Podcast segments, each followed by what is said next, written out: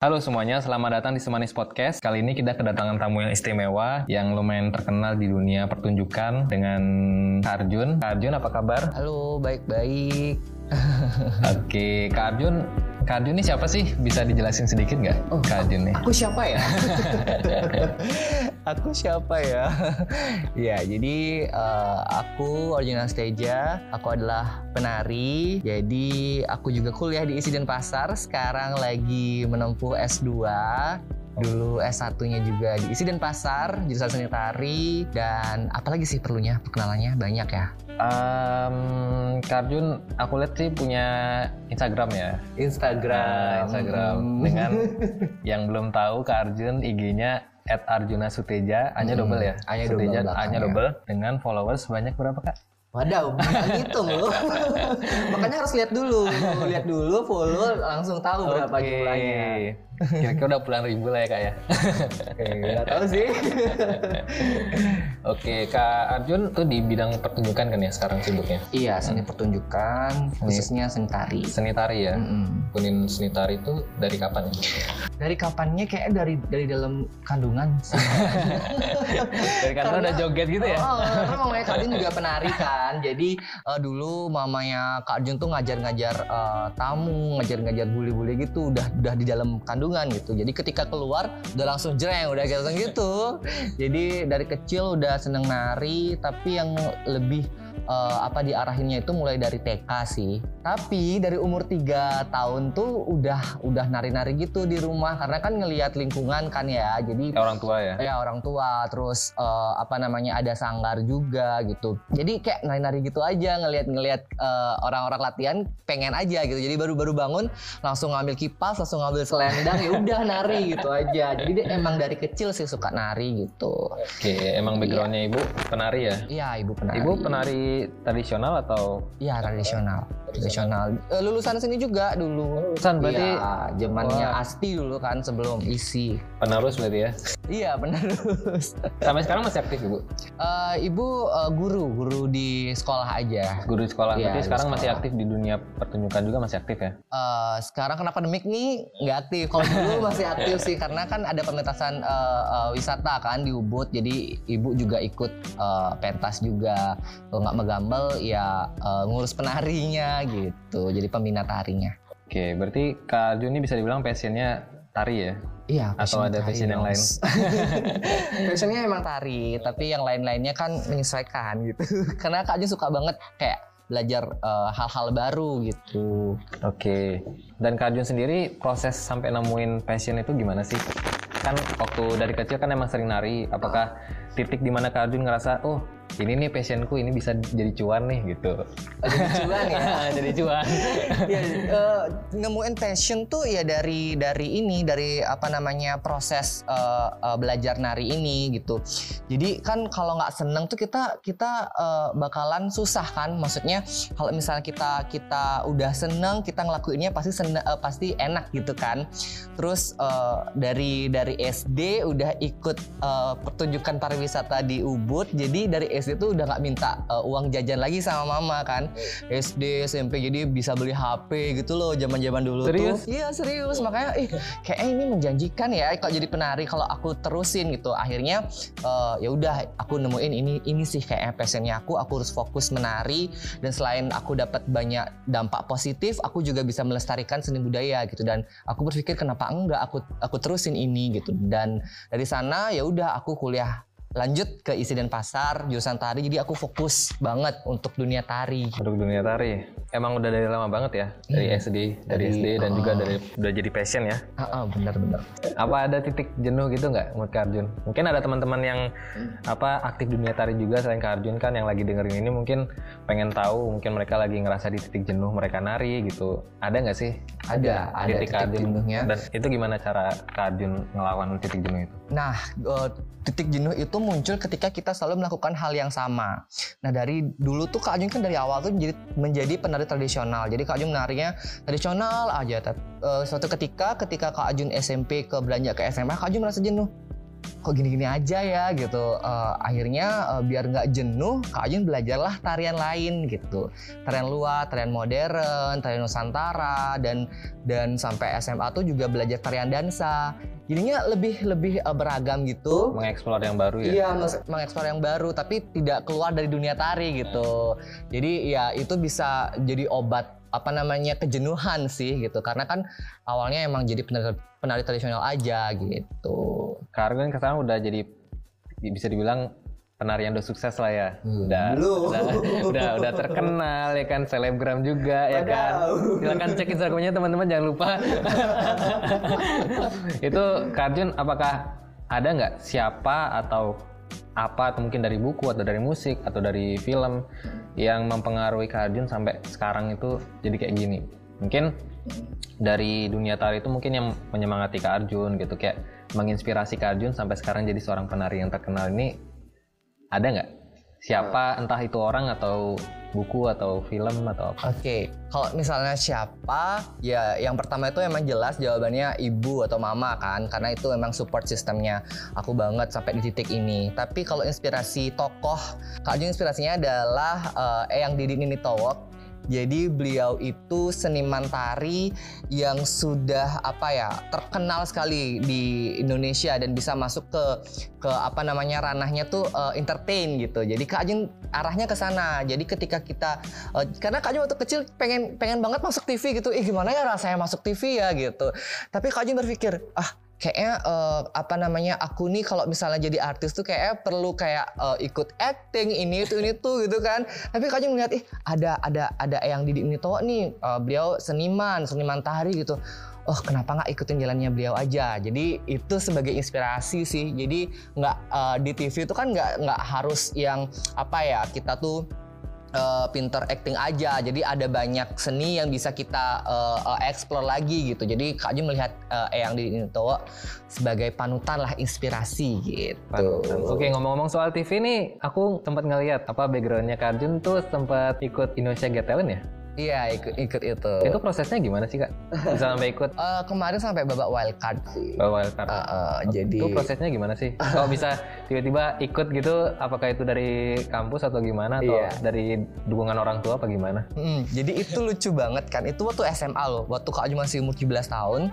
Jadi Kak Aju punya temen nih. Dia tuh uh, udah senior tapi dia sering banget ikut audisi awalnya Kak Jun diajakin, uh, Jun ikut uh, ada audisi uh, Indonesia Got Talent nih di Bali gitu. Tapi aku berpikir kayak gini, aku ikut Indonesia's Got Talent. Emang aku gimana ya? Aku merasa waktu itu kayak belum belum ber, ber, ber, apa namanya apa namanya belum siap gitu kan untuk untuk kerana itu. Karena masih anak SMA kan masih seneng seneng gitu. Habis itu enggak deh kak. Kakak aja deh yang ikut. Itu dia ngasih tanya tuh sebulan sebelum audisi gitu. Setelah itu aku ketemu sama uh, namanya Bugeng Wirati. Jadi uh, beliau adalah anak dari seniman tari di daerah Pelihatan Ubud aku kan belajar di sana belajar nari. Habis itu dia bilang gini Arjun uh, besok ada audisi Got Talent lo kenapa kamu nggak ikut? Besok lo gitu ngapain dong aku ikut? Dah besok gimana prepare-nya? Nggak kamu harus ikut gitu. Uh, coba aja kapan lagi ada ada kesempatan kayak gini. Jadi jadi dipanas-panasin kayak gitu kan. Jadi aku berpikir kayak gini oh ya udah deh coba aja. Jadi dalam waktu seharian uh, dari siang sampai uh, pokoknya siang itu udah berpikir konsep apa nih yang akan aku tampilin. Terus kebetulan kakakku kan juga uh, apa namanya komposer kan? Jadi kok buatin aku musik sekarang juga. Sekarang gitu ya buat besok. Abis tuh uh, nyari kostum semuanya buat tariannya semalaman sampai uh, subuh buat tariannya kan? Audisinya wow. pagi gitu. Jadi uh, ya udah pagi-pagi telat bangun dari Ubud ke Denpasar udah lihat antrean yang panjang kan. Untungnya ketemu sama teman sini sini sama kakak. Abis itu dapat uh, eh, agak depanan akhirnya uh, ikut audisi di Bali ternyata lolos. Wow. dan kakaknya itu nggak lolos aku merasa nggak enak kan? Aku juga nggak ngerti. Habis itu ya udah berangkat ke Jakarta ya ikut di sana ya ya seperti itu sih pengalamannya. Dari dan, Bali sendiri waktu itu apa ada orang lain? Ada. Kak Ajung dulu uh, berangkat ke sana sama magician. Magician? Iya magician uh, yang audisi uh, apa? Setelah audisi kan ke Jakarta lagi kan sama uh, sama magician itu Terus uh, itu sih seru banget di sana. Jadi Kak Ajun ternyata di dunia TV tuh kayak gitu, capek banget. Dari pagi bangun, syuting ini, syuting itu, syuting backstage, terus tapi kok di situ sedih banget Kak Ajun kok nggak pernah dipilih syuting iklan ya gitu kan makan mie gitu kan. Aku gini sama waktu itu kan diantar sama Mama kan, "Mah kok aku nggak pernah nggak pernah pilih ya?" gitu. Ya nggak apa-apa, nggak apa-apa gitu. Yang penting kamu nari gitu. Tapi ketika Kak Ajun pertama kali menginjakan kaki di atas panggung panggung itu panggung yang besar dengan kamera terus melihat mama di di di panggung uh, eh di panggung di kursi penonton kayak rasanya ih aku persembahkan ini untuk mama gitu. Jadi kayak dari kecil tuh mama selalu nungguin aku uh, apa namanya aku latihan sampai malam kayak gitu. Jadi itu bener-bener kayak wih merinding banget. Ini aku persembahkan untuk mama dan ini aku persembahkan untuk Bali gitu. Wow. Dan wih itu bener-bener kayak buat apa ya? Bener-bener kayak merinding, kayak bangga gitu. Uh, ternyata dulunya aku tuh kan sempat dibully kan sama teman-teman karena oh, serius? aku iya bener waktu aku SD tuh sering dibully karena aku jadi penari kan jadi aku berpikir gini ternyata orang yang dulu kalian bully itu yang orang dulu uh, apa namanya menurut kalian itu nggak berguna sekarang bisa nih di panggung di panggung sebesar ini gitu. Untuk gitu. teman-teman yang sempat membuli Arjun sekarang lo nyesel kan? Nih, aku jadi berkaca-kaca makanya inget-inget itu kan. Ya seperti itu sih pengalamannya nggak nggak disangka-sangka ternyata bisa sampai di titik itu benar-benar itu keajaiban banget sih dari Tuhan. nah, itu berkesan banget ya? Berkesan banget. Wow. Keren, keren, keren. Aduh. Kak Arjun, uh, ada nggak sih struggle tersulit yang pernah dilewatin waktu selama jadi, kan udah jadi pekerja seni nggak sih hitungannya? Iya, bisa dibilang seperti itu sih. Struggle-nya itu sih tadi kan sempat bilang tuh, bullying itu kan. Jadi Kak Arjun sampai sekarang masih sering dibully sih kan. Why? Kenapa? Uh, uh, iya, karena kan uh, da dari kecil uh, apa namanya Kak Arjun itu uh, apa namanya di teman-teman cowok kan. Jadi Kak Aju tuh milih menari tuh mereka tuh berpikir kayak kamu tuh beda dari kita gitu. Jadi mereka dari anggap penari itu cewek gitu oh, ya. Oh, cewek gitu. Wah. uh, jadi kayak gitu dari kecil uh, terus dibully uh, dulu tuh sampai jadi budak tau nggak deh Kak Ajun disuruh belanja disuruh buatin dia PR kayak gitu. Kayak ya ampun kayak hidupku nggak berguna banget ya gitu. Tapi itu itu membuat Kak Ajun semakin semangat lagi untuk membuktikan kepada mereka yang bully Kak Ajun bahwa uh, orang yang mereka anggap tuh uh, tidak penting tidak berguna suatu saat akan berguna dengan sesuatu yang ada dalam dirinya dia gitu. Jadi dari sana Kak Ajun terus mengasah diri nggak uh, stop dari sana meskipun mereka men, uh, mencela Kak Arjun gini gitu gini gitu gitu. Dan Kak Arjun berpikir aku nggak salah aku ini melestarikan kebudayaan loh gitu. Dan uh, Kak Arjun juga uh, sekarang kan juga uh, apa belajar juga untuk menjadi penari lintas gender kan. Karena karena ada genre itu di Bali. Jadi Kak Arjun itu uh, menari dengan gender yang berbeda ketika di atas panggung gitu Uh, jadi dari sana pun Kak Ajun bisa uh, apa namanya dari topik itu akhirnya kemarin Kak Ajun juga sempat diundang sama Hitam Putih kan gitu. Wow. sama Om Deddy kan. yeah, yeah, yeah. Jadi Kak Ajun berpikir gini, meskipun mereka berpikiran uh, negatif sama aku, jadi dampaknya itu juga akan positif bagi diri aku sendiri gitu. Jadi ya ya udah aku meskipun mengalami struggle seperti itu ya udah aku harus terus-terus berjuang berjuang fokus sama kalian aku fokus sama diri sendiri karena kalau kita dengerin mereka terus kita nggak akan maju gitu. Benar, benar, benar, benar. Nyeroscos ya. maaf, maaf, maaf. Apa ini pesan terselubung untuk yang telah membuli Kadin? bisa jadi, bisa jadi. Oke, Karjon sekarang selama pandemi sibuk apa sih? Katanya dengar-dengar aku ngeliat juga sibuk di TikTok katanya. iya, benar, benar, benar, benar. Nah, uh, jadi uh, cerita sedikit nih, selama pandemi ini tiba-tiba uh, kan Kak Ajun nih sebelum uh, pandemi ini kan masuk bulan April Maret kan.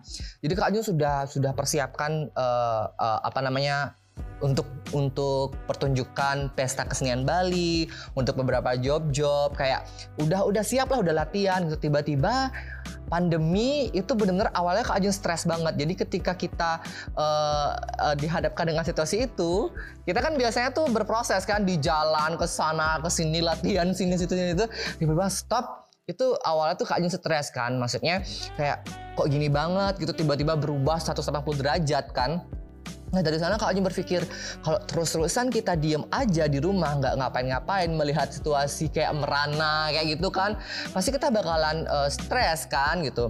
Dan akhirnya Kak Ajun melihat ada aplikasi TikTok terus Kak Ajun ya udah coba aja di TikTok tapi tetap kan kita tuh uh, ada masukin unsur tarian Balinya gimana kita melestarikan tarian Bali karena itu benar-benar platform zaman now banget kan. Jadi ya udah aku manfaatin itu ternyata responnya positif gitu. Dan akhirnya Kak Ajun uh, juga memanfaatkan Instagram waktu itu waktu masa pandemi itu. Dan uh, Kak Jun berpikir uh, kita sebagai penari itu perlu yang namanya panggung kan.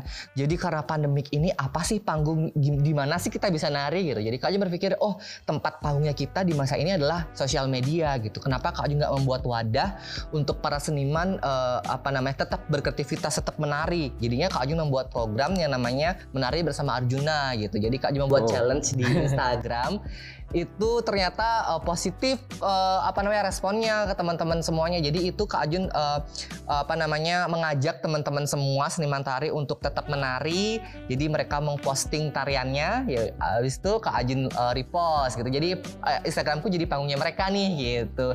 Jadi setelah itu ternyata banyak nih yang pengen lagi. Akhirnya kemarin juga uh, buat lagi yang kedua dan itu nggak cuma orang Bali aja, ternyata di, dari Lombok, dari Jawa, dari Sulawesi Sulawesi ternyata pada ikutan juga gitu. Makanya wow ini responnya positif banget dari dari dari pandemik ini.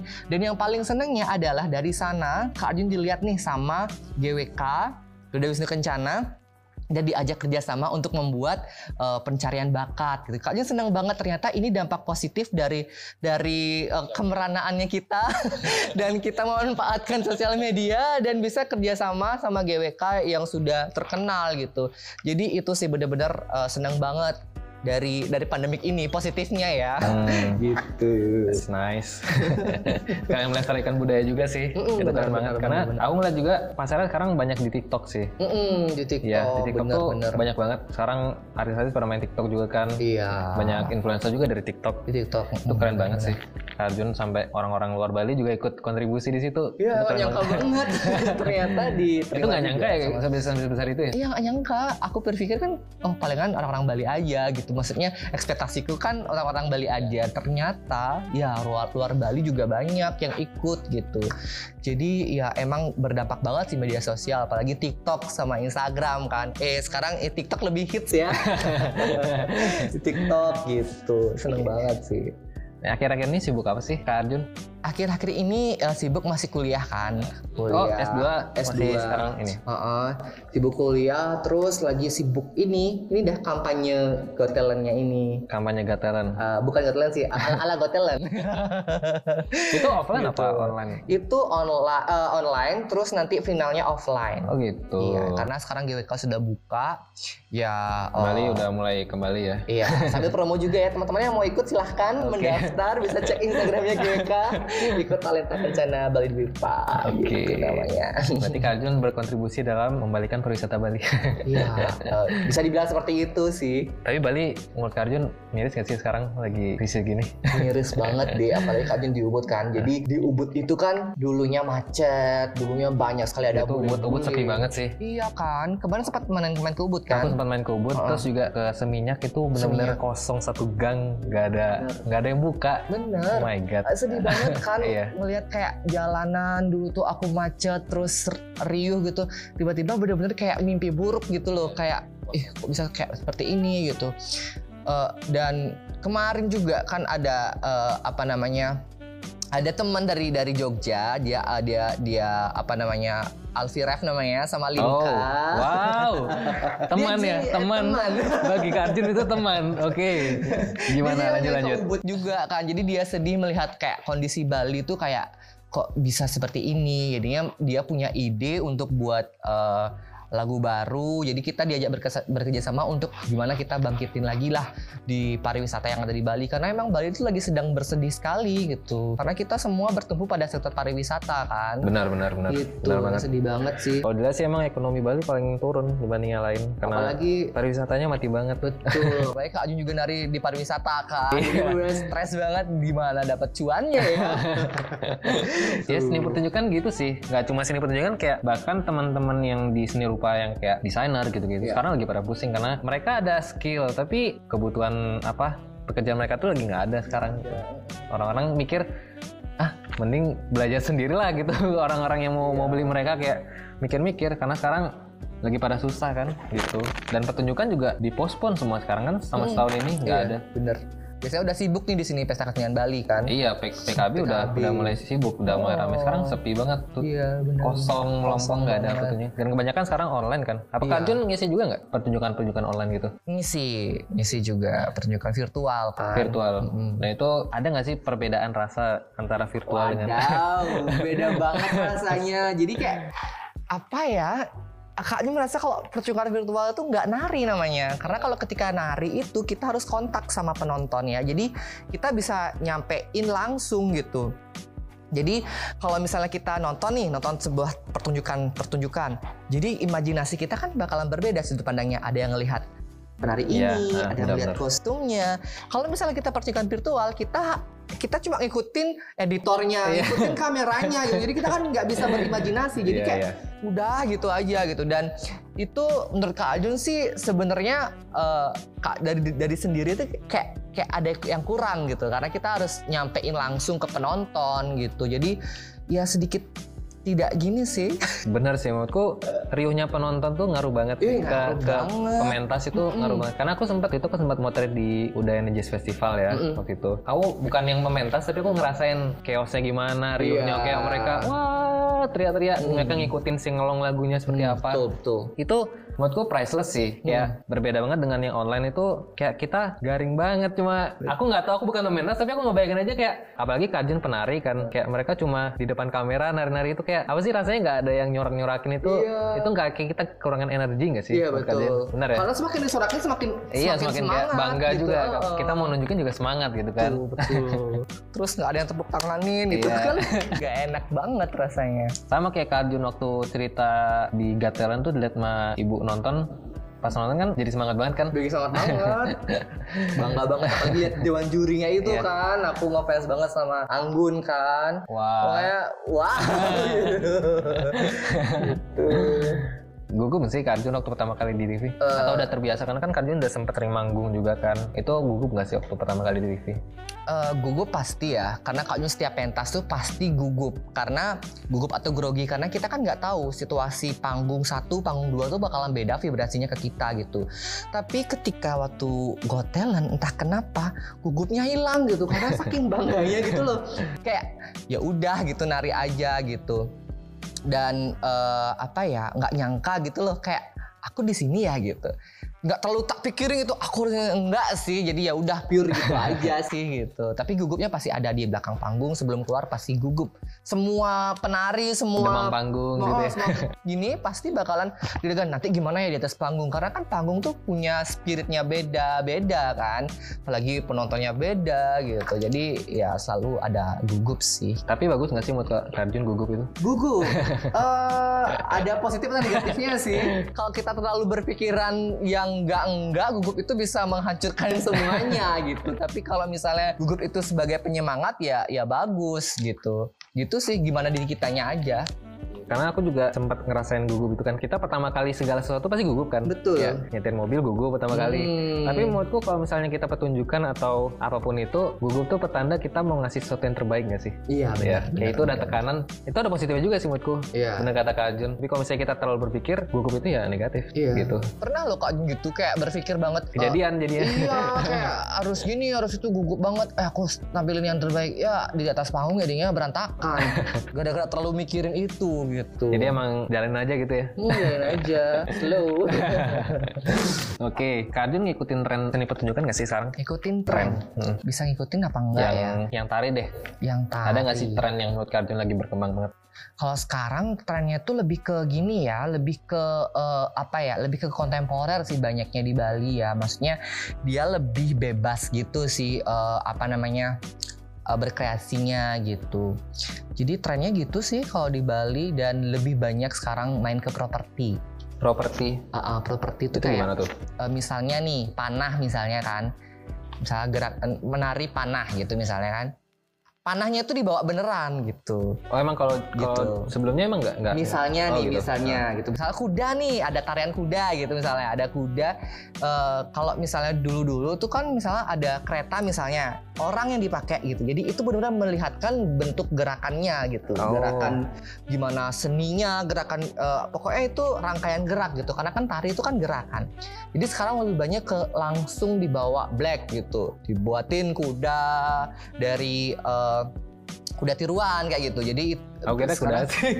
udah sih enggak udah tiruan gitu. jadi lebih di apa ya di Dibikin real- realis- gitu realis ya, ya gitu ya. realis gitu gitu sih banyak kan sekarang kayak gitu sih Oke.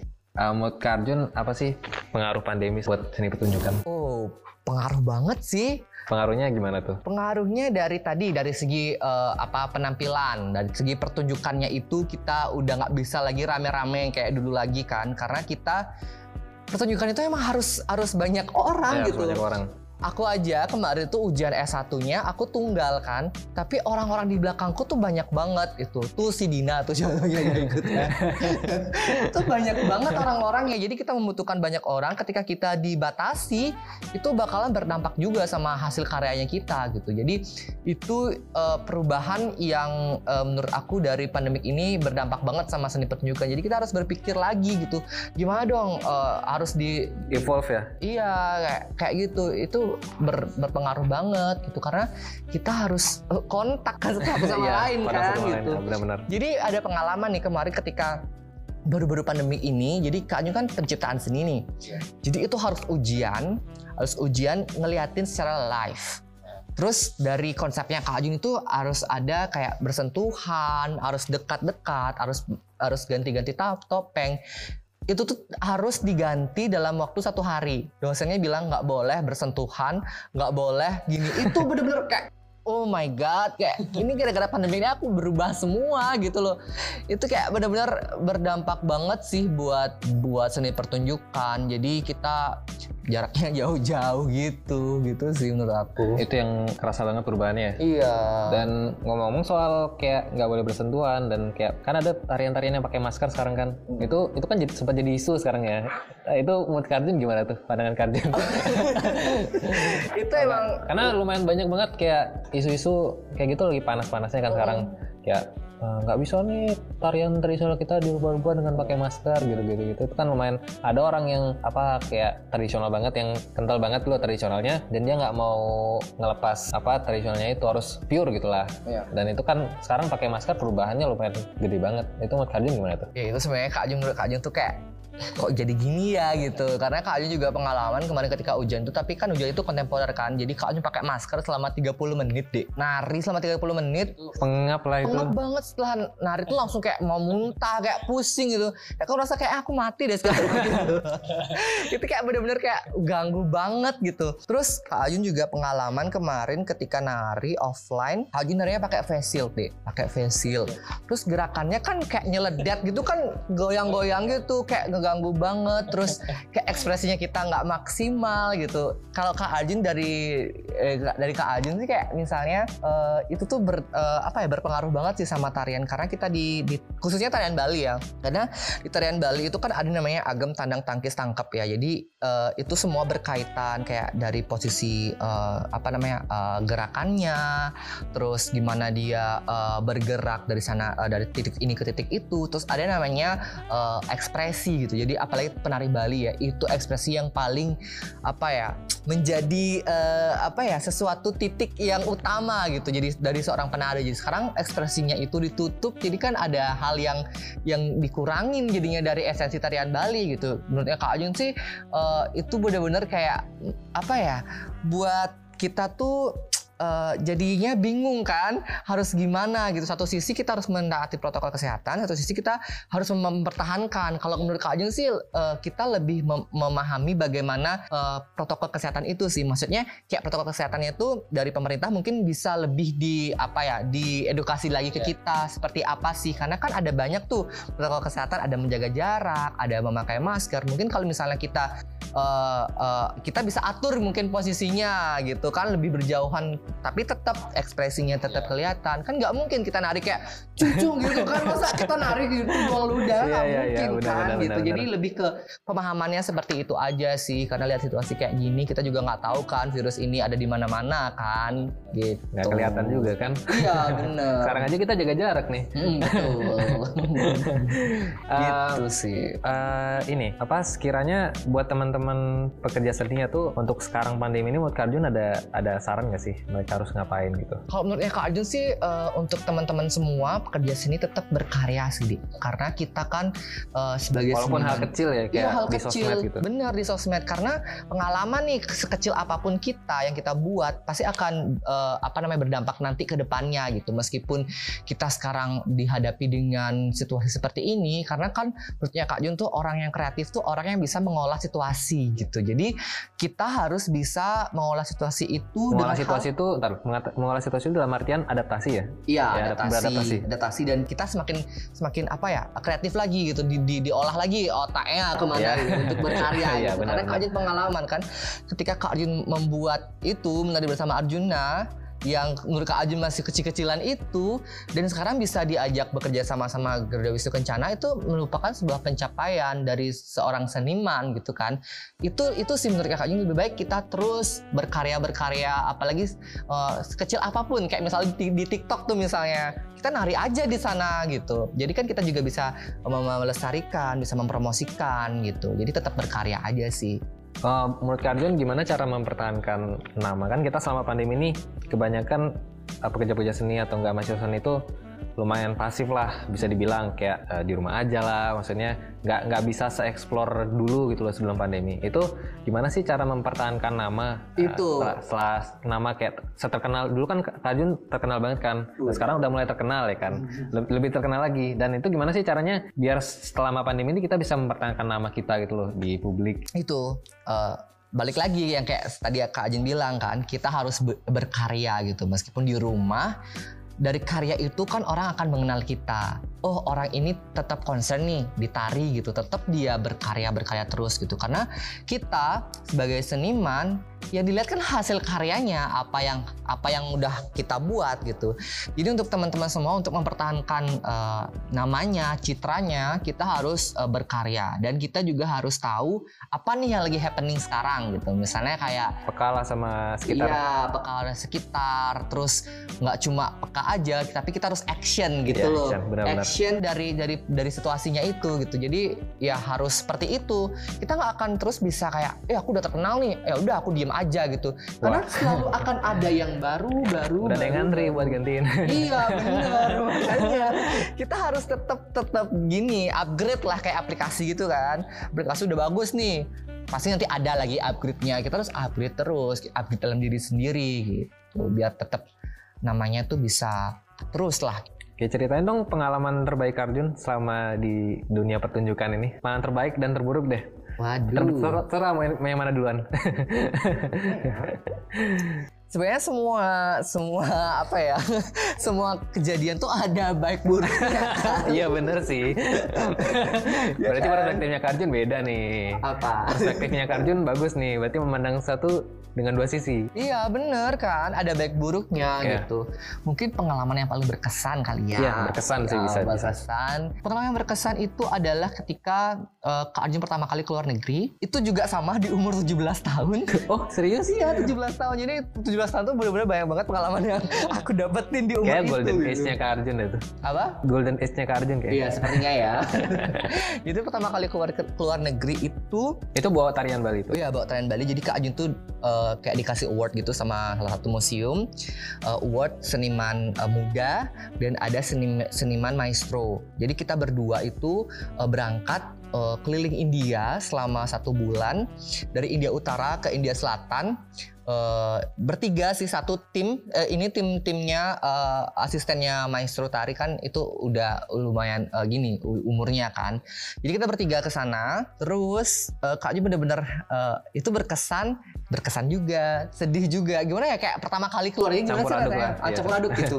Eh, pertama kali keluar negeri keliling eh, keliling India Kak Jun bener-bener kayak perubahannya itu bener-bener kayak oh gini ya penari gitu. Maksudnya ketika kita di Bali itu kita biasa manja. Maksudnya kalau uh, prepare kostum ada yang nyiapin ini ada yang nyiapin. Ketika kita di luar siapa yang nyiapin Iya. kita sendiri kan? Benar benar itu benar kayak aduh sudah capek kita harus uh, siapin lagi dari kota satu ke kota lainnya. Sini ke sini ke sini. Itu benar capek banget deh kayak oh ternyata gini ya uh, di luar negeri gitu. Nggak seperti aku bayangin. Tapi emang itu benar-benar pengalaman banget. Jadi kita dilatih kayak kita harus siap di semua situasi gitu. Jadi itu sempat nangis juga sama sama Kenapa? Israel. Nangis pengen pulang karena capek itu? Capek oh gitu. Tapi di di di diginiin sih maksudnya dikasih eh, apa namanya petuah juga sama almarhum. Jadi jadi penari itu nggak gampang gitu. Jadi penari itu nggak gampang. Kamu tuh harus harus kuat gitu loh. Ini juga misi yang yang eh, ada di pundak kamu gitu. Itu kan misi kita melestarikan eh, apa memperkenalkan pariwisata dan budaya yang di Bali gitu. Jadi kamu harus kuat gitu. Ini belum seberapa loh gitu. Nanti bakal ada lagi yang lebih gitu.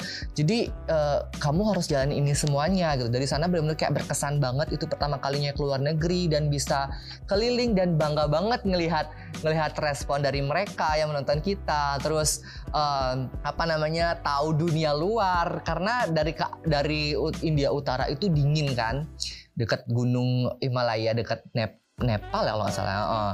Terus ke selatan yang panas banget. Kayak Kak Ajun tuh berbeda banget situasinya. Terus dari Kak Ajun tuh eh, diajak ke eh, apa eh, apa namanya masyarakat yang yang elit kayak itu dan benar-benar masyarakat yang yang kurang mampu. Jadi kita kayak kayak ke sana tuh kayak kayak apa ya tamu agung gitu loh. Wah kayak gitu gitu jadi mereka tuh kayak wow ternyata gini ya di luar gitu. Itu berkesan banget. Dan selanjutnya yang paling berkesan itu ketika Kak Ajun ke Jepang deh. Jepang? Iya ke itu banyak Jepang. banget keluar negerinya. Belum banyak sih. Jadi itu ketika Kak Ajun ke Jepang, eh, apa namanya Kak Ajun nari.